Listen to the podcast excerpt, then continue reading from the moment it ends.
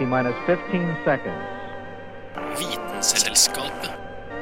T minus 10, 9, 8, 7, 6. We have main engine start. 4, 3, 2, 1, and liftoff. Vitenselskapet. Vitenselskapet på Radio Nova.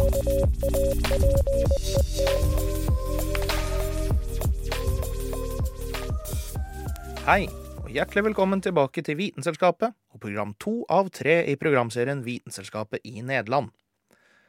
I første utgave satte vi oss inn i forholdet til vann i Treskoland. Hvordan nederlenderne i hundrevis av år har erobret land fra havet med å bygge diker, og hvordan disse dikene har måttet tilpasses for å hindre motstanderen i å ta det tilbake. I dag skal vi høre mer om hva dette landet kan brukes til, når det først har blitt tørket ut og beskyttet.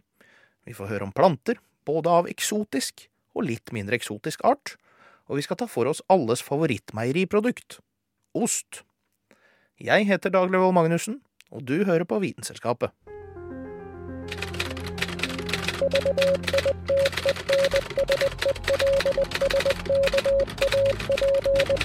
Just want to tell you both good luck. We're all counting on you. И пусть посмеются над своими страстями. Ведь то, что они называют страстью, на самом деле не душевное, Vitenselskapet а лишь трение между душой и внешним миром. knekker vitenskapens koder. Good job. En nederlandsk geografisk spissfindighet er særlig interessant med tanke på jordbruket, nemlig polderne. Stadig truet av hav og elver er dette jordbruksarealet veldig unikt. The reason why they uh, reclaim the land because it's a very fertile soil with a lot of clay, so very suitable for agriculture. Områdene Nederland har tid tilbake fra havet, er altså utrolig fruktbart. Det som kom fram fra havet, er torv og leire. Torv er organisk materiale som har blitt liggende i et område metta med vann. Da kan mikroorganismene, som vanligvis bryter ting som har vært i live, ikke overleve pga. oksygenmangel. Når torva så kommer for dagen, blir jorda gradvis oksidert, altså tilført oksygen. I kombinasjon med leire ender den da opp med god og brukende matjord. Gjennom årene har mye av arealet blitt brukt til å avle opp kyr. Ikke alle poldere er land tid tilbake fra havet. Poldere i Sørvest-Nederland har blitt bygd for å helle vannet ute. Det er altså poldere som står i fokus her. Hva er egentlig en polder? The polder is just an area where, where you, which you can regulate the, uh, the level of water. For å tørrlegge disse regulerbare områdene har forskjellig teknologi blitt brukt til forskjellige tider. I starten var det mannkraft som gjaldt, men det er ikke effektivt nok å gjøre det for hånd. Her kommer et av nasjonalsymbolene til Nederland inn vindmølla. Ved hjelp av vindkraft kunne vannet pumpes ut, og arealet gjøres tilgjengelig for jordbruket. Utfordringene med vann som må reguleres, er mange. Når en har stengt vann ute, kan det fort komme flommende inn igjen. Hus på polderet har derfor i fortida blitt bygd oppå sanddyner som har samla seg opp, og på den måten vært litt tryggere når flommen kom. Kyn måtte en jo òg passe på, så når vannet pressa på, ble de tatt inn i huset og opp i andre etasje. Å skulle helle mange jorder tørre er ei omfattende oppgave. Derfor har samarbeid mellom hollendere i vassstyrer sørga for at alle gjør sin del av jobben med å helle føttene tørre. Gjorde du ikke jobben din, risikerte du å få ei bot. Å turlegge områder som tidligere var myrlendt eller under vann, er altså en nøkkel til nederlandsk jordbrukshistorie. Utfordringer i fortid og framtid kommer i form av land som syger sammen, og uforutsigbarhet i elvene som renner inn fra kontinentet.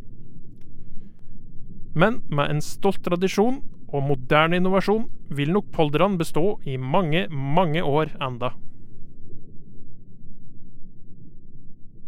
Takk til Henk Pryntel, forsker ved Batavialand, som du hørte i denne saken. Vitenselskapet. Vitenselskap. Vitenselskapet. Vitenselskapet. Vitenselskapet. I en verden hvor det blir mindre og mindre plass på hver og en av oss, som en naturlig følge av at vi blir fler, blir det viktigere å utnytte den lille plassen man har. Her går nederlenderne i bresjen ved å bygge i storskala. Uh, we call it the, the Westland, Westland, and it's actually quite unique place because it's in between two big cities, Rotterdam and Den Haag. Velkommen skal du være til Vestland, som da finnes mellom Rotterdam og Haag. Når man kjører inn til Vestland, så ser man store industribygg og masse, masse drivhus. Og drivhus er jo egentlig ikke noe nytt, for her akkurat Vestland, dette området her, så har de drevet med drivhus i kanskje 200 år. So you, you can imagine that actually the, the, the ground is quite expensive. Um, but in this area, it's um, yeah, I think up to, to 200 years now we have horticulture. So it starts with really small greenhouses, um, uh, small tomatoes, uh, cucumbers, peppers, um, also outside crops, and more and more they're developed uh, into a really modern um, yeah, um, area of, of greenhouses. And one of the main reasons that this area is located close to the sea is because we relatively have warm, a warm climate compared to other parts in Holland. Yeah. It's still we're a really, really small country, of course, but also in a small country like this, you see the, the differences of a sea climate and more uh, land climate in the eastern part of Holland. Nederland har et maritimt klima, og det blir sjelden kaldere enn 3 grader om vinteren, og gjennomsnittstemperaturen om sommeren ligger på 17 grader. Pluss at det kan regne veldig mye. Og dette utgjør ikke et optimalt vekst for grønnsaker med så mye variasjon i miljøet, men med drivhusene så kan de styre dette sjøl, både for grønnsakene og deres eh, berømte tulipaner og andre potteplanter. Og dette driver jo denne mannen med. Uh, Jeroen Sanders, uh, researcher horticulture. Nei, jeg klarer ikke å, å uttale navnet hans. World Horticulture Center er en plass som driver og utvikler drivhus til hagebruk. De jobber hele tida med å utvikle teknologien sånn at det skal gå fortere og gro, og at det skal bli mye bedre. But I think in general this area is still unique and for a lot of countries it's still leading in how how we deal with horticulture. Yeah. And we're moving really fast I think because uh, the, the, the, the, the ideas and the techniques we used five years ago already are a little bit old fashioned and now we, we change a lot. Is there any techniques that, like some examples you can tell me Yeah, about? well better than we go into to the greenhouse Yeah. area. Um, yeah. På vei inn i drivhuset så måtte jeg gjennom en sånn skopussermaskin og putte hendene inn i en maskin som spruta antibac på meg. Du tenker kanskje at et drivhus, ja, vi vet hvordan det funker. Det er ganske basic. Eh, Vi alle sammen vet jo hvordan drivhuseffekten er. Eh, Men det som er greia her, på Wall Horty Center gjør det litt mer komplisert. Of course we have the windows. Yeah. Um, so we can play with, with, with, with the windows um, from both sides of the greenhouse. So you can you have, a, you have a side where you have always the wind and you have the other side. And um, we can play with those different sides. And then you can control the, the air that's coming in, of course the temperature, but also the humidity. Open and, and, and uh, close the, the, the screens. Uh, but we have a lot of different types of screens. And yeah, playing with them, you can control the climate as well. Så de bruker altså vinduene på drivhuset til å kontrollere temperaturen og luftfuktigheten, i tillegg til at de tilsetter karbondioksid hvis det trengs. Men de går også på det veldig spesifikke nivået, hvor de har sensorer som kan lese hvordan selve plantene har det. and constantly now more and more that's really a strong development at the moment more and more that we also work with all different kinds of sensors which are not only measuring the, the, the, the climate conditions but also measuring exactly what, what is happening in the plant which processes and like evaporation uh, leaf temperature um, how fast the, the, the, the water is flowing into the, to the veins Yeah. um, all these kinds of things. If you measure that constantly, yeah, then of course that gives you information, and then you can optimize your growth. Og ved å gi grønnsakene gode vekstmuligheter, så gror de mye fortere enn vanlig. Og man kan jo stille spørsmål til om dette er en veldig miljøvennlig måte å la f.eks. tomater gro på enn i et naturlig miljø.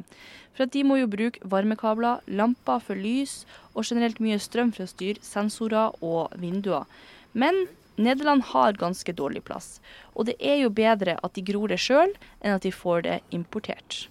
Men dette her fantastiske systemet har jo da bidratt til at de gror jo massevis av f.eks. tomater, som da har resultert i en ganske stor eksport. Greenhouses now more and more, especially tomatoes, they also uh, use artificial light, and it means that they also have production in, in wintertime. So during Christmas, they just have a high uh, production of tomatoes. But this, does this area deliver tomatoes to which parts of the world? Um, to all the parts of the world, Oh. I think we're the second exporter of, uh, of tomatoes in the world. I Oh, think shit. Mexico is a little bit higher, but um, we always talk in square meters. Mm. So per square meter, now the general production is around um, 70 to 80 kilograms of tomatoes per year. På veien ut av drivhuset ser jeg en liten finurlig ting, fordi at Wall Horticenter prøver også å lage drivhus for resten av verden. Uansett om du bor i Norge, eller i Sør-Amerika, eller i Afrika. De tenker at drivhus kan da resultere i at du som bonde får grodd grønnsakene dine, uansett hvilken vær du har. And in this greenhouse, we build a greenhouse inside a greenhouse. And the main reason is actually that we are able now to simulate the climate from other parts in the world. So we have a really, really high light intensity heating systems. So actually the outside of the uh, internal greenhouse that can be controlled. Tydeligvis er Norge veldig tilrettelagt for storproduksjon av grønnsaker i drivhus. Så dette kan være noe vi ser mer av i framtida, også her til lands. Oh, it's fun. I mean, the natural world is just. Du hører på Vitenselskapet på Radio Nova. What more do you want?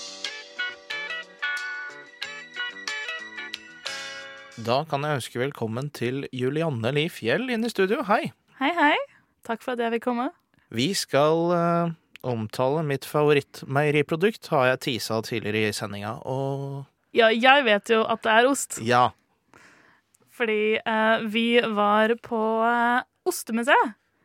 Som de eh, faktisk hadde, som viste seg egentlig mest å være en eh, liten ostebutikk med et lite museum i kjelleren.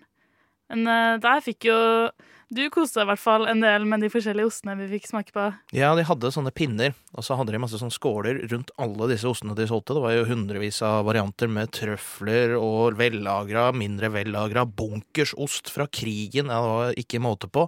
Så kunne du gå rundt med de pinnene, stikke nedi, ta deg en bit. Det var helt herlig. Det var mye god ost, det må sies. Men vi lærte jo også litt om da hvordan ost blir laget. Og eh, jeg tenkte å begynne med faktisk historien om eh, Jeg vet ikke om det er den første osten, men eh, for rundt 5000 år siden Tenk at de har laget ost i 5000 år. Det er litt sykt. Så var det faktisk nomader som bærte på melk, men for å oppbevare den melken, så hadde de det i tørkede kumager. Det høres ikke Jeg vet ikke helt hvorfor de kom på det, men eh, det gjorde de da. Altså, nomader går jo mye rundt, beveger på seg. Og da ble denne melken ristet på og liksom bevegde seg mye rundt da, i disse mm, kumagene. Og når de kom fram, så la de Da hadde dette blitt til en slags masse, for den hadde jo blitt tykkere, da. Og så la de dette da i kurver som de presset under stener for å få litt sånn fortgang på tørkeprosessen. Og så ble det da til ost. Da er jo det første spørsmålet som melder seg for meg, er jo at dette er jo ikke en eh, regulær Norvegia som vi skjærer med skiver. Hva slags ost er det her snakk om, egentlig? Hva vil du sammenligna med hvis vi skulle snakke om dagens ostetyper? Nei, det vet jeg ikke egentlig, men det er vel en veldig kremete, veldig fyldig ost, vil jeg tro. Fordi da er det vel snakk om ikke det vi kaller for pasteurisert melk. For de som ikke vet hva det er, så er det da melk som er varmet opp. Og da blir man kvitt bakteriene, og de bakteriene er da det som gir en del fylde i osten og gjør den litt sånn kremete. Og en annen spennende ting da, er jo at eh, grunnen til at det var ku- eller kalvemage faktisk da, som de brukte, er at disse har et enzym i seg som vi kaller for løpe, eller løype, avhengig av hvor det er. Og um, lenge i hvert fall, som man brukte til å lage ost. Men vi kan jo snakke litt om ost i Nederland også, fordi Nederland er jo veldig kjent for ost. Og de har faktisk to kuarter som heter Mass Rein Eisel og Holstein Fresan, som er de svarte, hvite kuvertene man ser Vi har det vel egentlig i Norge òg, men de er de mest brukte i hele verden når det gjelder osteproduksjon. Og eh, en gjennomsnittlig nederlandsk ku produserer ca. 8000 liter melk hvert år. Og noen av de kan til og med produsere 12 000. Ja, det er jo voldsomt. Da. Det er jo godt over 20 liter per dag. Det. Ja, det er ekstremt. Har du tenkt litt på hvordan man får fram denne melken, egentlig? Jeg har jo hørt noen sånne der, eh, historier om at kuer nå, eh, i mer moderne jordbrukssteder, de har sånn egen greie å gå inn til og bli melka når de velger det sjøl.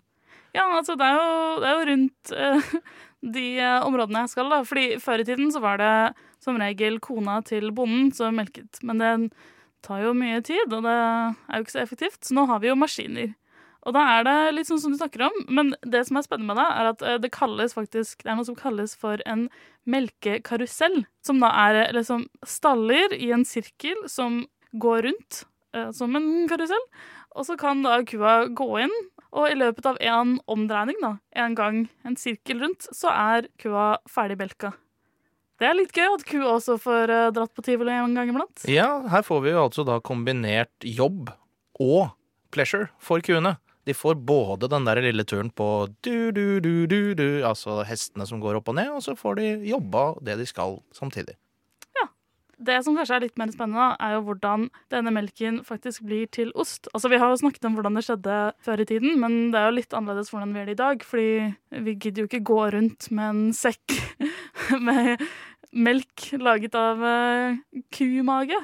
Så det foregår da sånn at melk består av laktose, proteiner, fett og salt. Og dette er ganske viktig for uh, osteproduksjonen. Og vi har allerede snakket om pasteurisert melk, og kan du gjette ut fra smaksløkene dine hvilke som var laget fra råmelk? Du nevnte i stad at uh, pasteuriserte oster, eller pasteurisert uh, melk som blir til ost, den blir annerledes enn den som ikke er pasteurisert. Ja, for den som er råmelk, da, som vi kaller Ja. det, den osten som er laget av råmelk, fordi den har bakterier i seg, så blir den fyldigere og mer kremete da, i teksturen på den. Når du først sier at den osten blir på en måte kremete og litt sånn mer runny, så vil jeg tippe at uh, det blir jo litt sånn rundere smak av den der råmelka òg, da. Mm. For de ostene som gjerne er de mest smakfulle, er jo de som er litt sånn der harde. Egentlig lukter veldig, veldig sterkt, og du føler på en måte på den der at hvis du tar med den osten inn i et rom og åpner den, så kommer alle til å merke at den er der. Ja, og vi hadde jo en del eh, spennende smaker. Det er jo verdt å si at eh, vi smakte på en som var kåret til den beste Gouda-osten i eh, 2019. Så var det noen andre spesielle smaker, som trøffel og eh, noen sånn grønne og rosa og blå oster, hvis du husker det. Og det er da trøffelosten og det som kalles for pesto pine og farmhouse-ostene deres, da. Som er laget av rå melk. Du hører på Vitenselskapet på Radio Nova.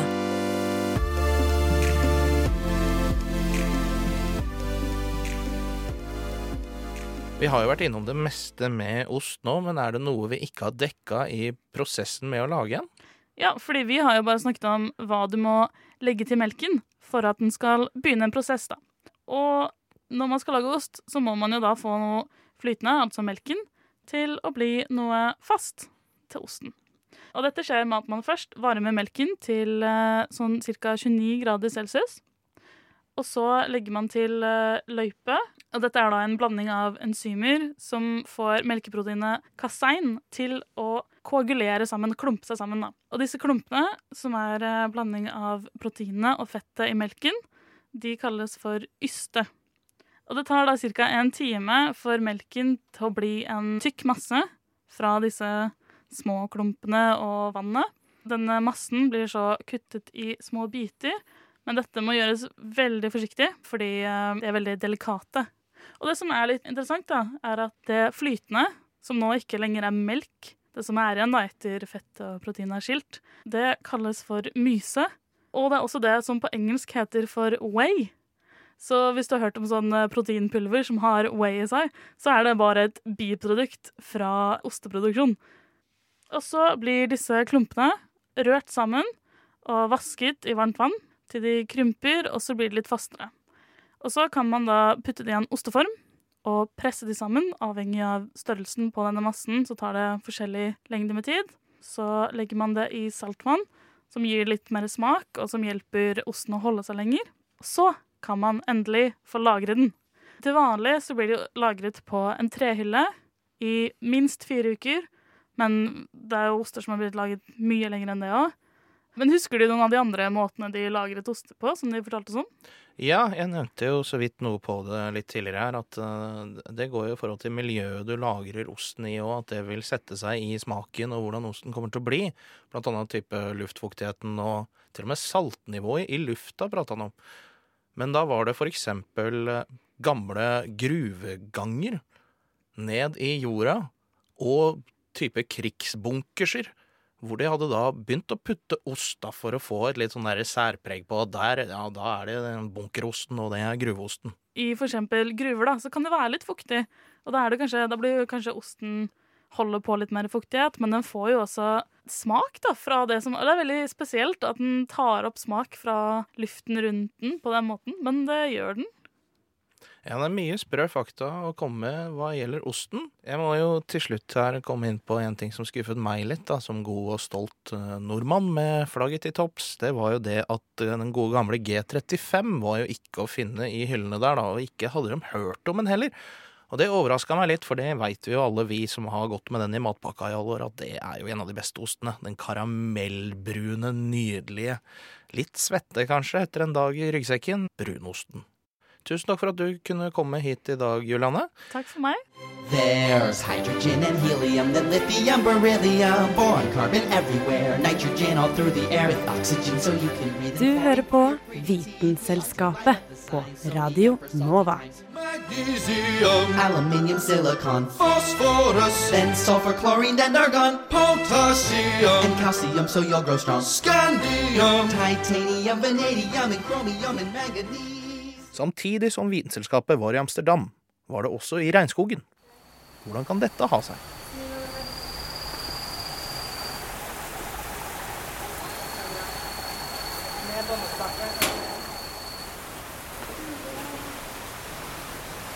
Er det fugler? Er det fugler? Hvor er de?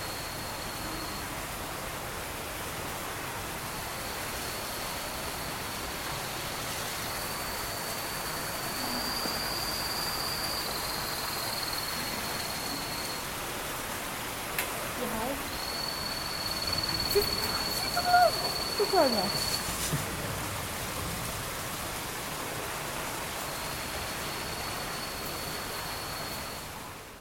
fuktige lukten av våt bark, duften av mørk jord, lyden av raslende vann, skjelvingen til store løvblader og kvitringen til sjeldne, skjulte fugler.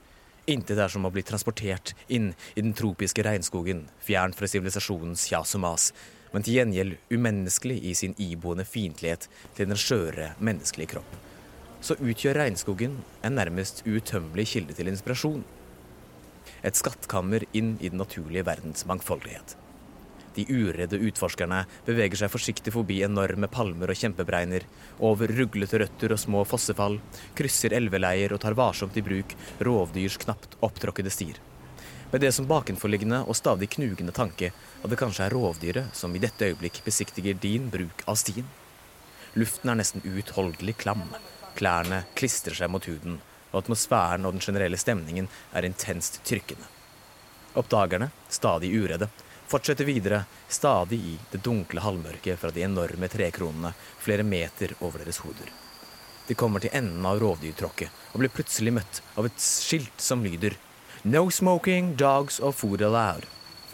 Med denne prommete beskjeden blir de uredde, vitenskapshungrige biologene umiddelbart minnet på at de ikke er i en faktisk regnskog, men i en kunstig en, og at to meter unna, på den andre siden av drivhusets vegg, befinner den menneskelige sivilisasjonen seg da nærmere bestemt Amsterdam, kanalbyen, hovedstaden til Nederland, og byen denne bemerkelsesverdige kunstige regnskogen lenge har kalt sitt hjem.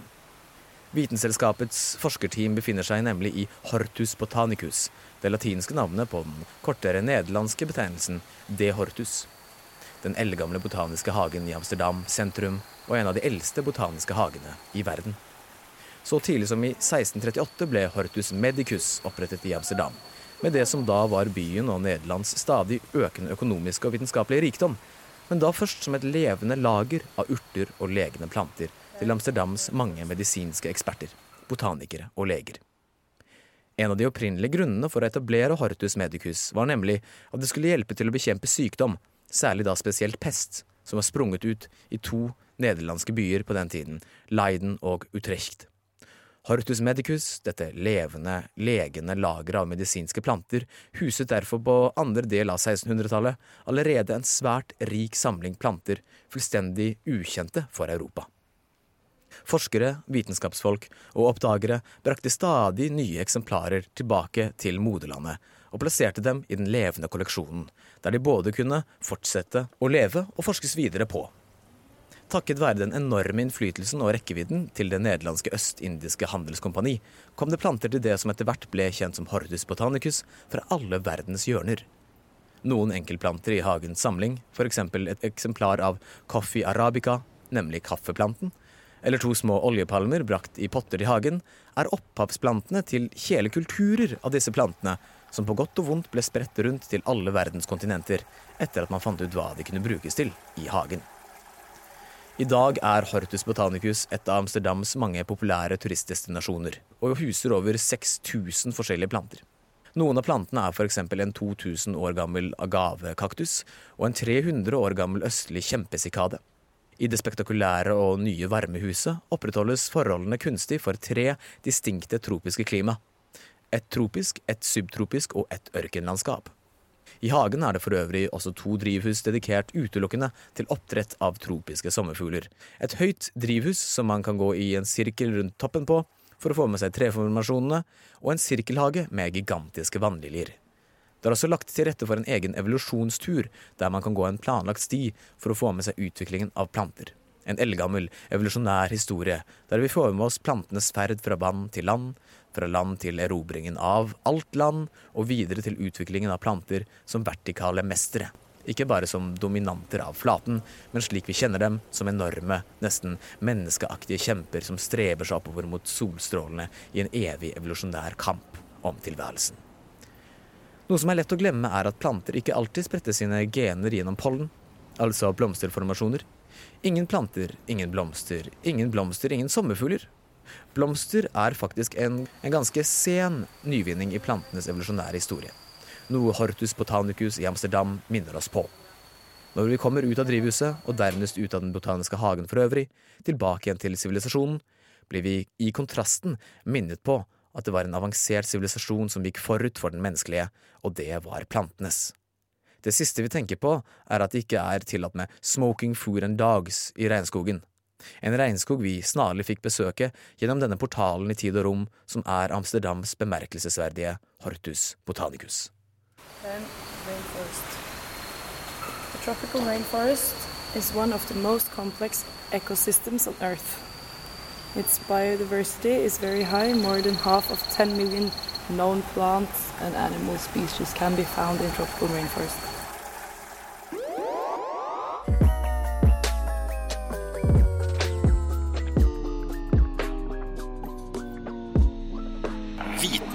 Vitenselskapet. Da var vi nådd veis ende for trilogiens midtpunkt. Heng med neste uke for å høre siste del av vårt besøk til Nederland. Stemmene du har hørt i dag, de tilhører Dag August Schmeling Drammer, Carl Adams Kvam, Ida Katrine Vassbotn, Julianne Li Fjell og Aurora Caroline Thommessen. Bak kulissene fantes Hanne Grydland, Sunniva Blix og Kristin Grydland.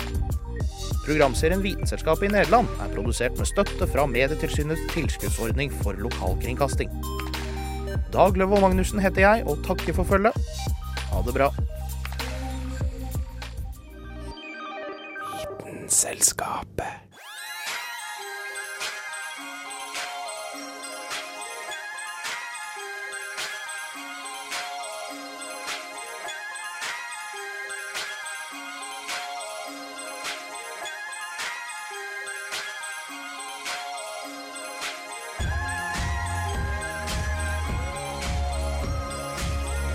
Siden 1982 har Radio Nova gitt deg favorittmusikken din. Før du visste at du likte den.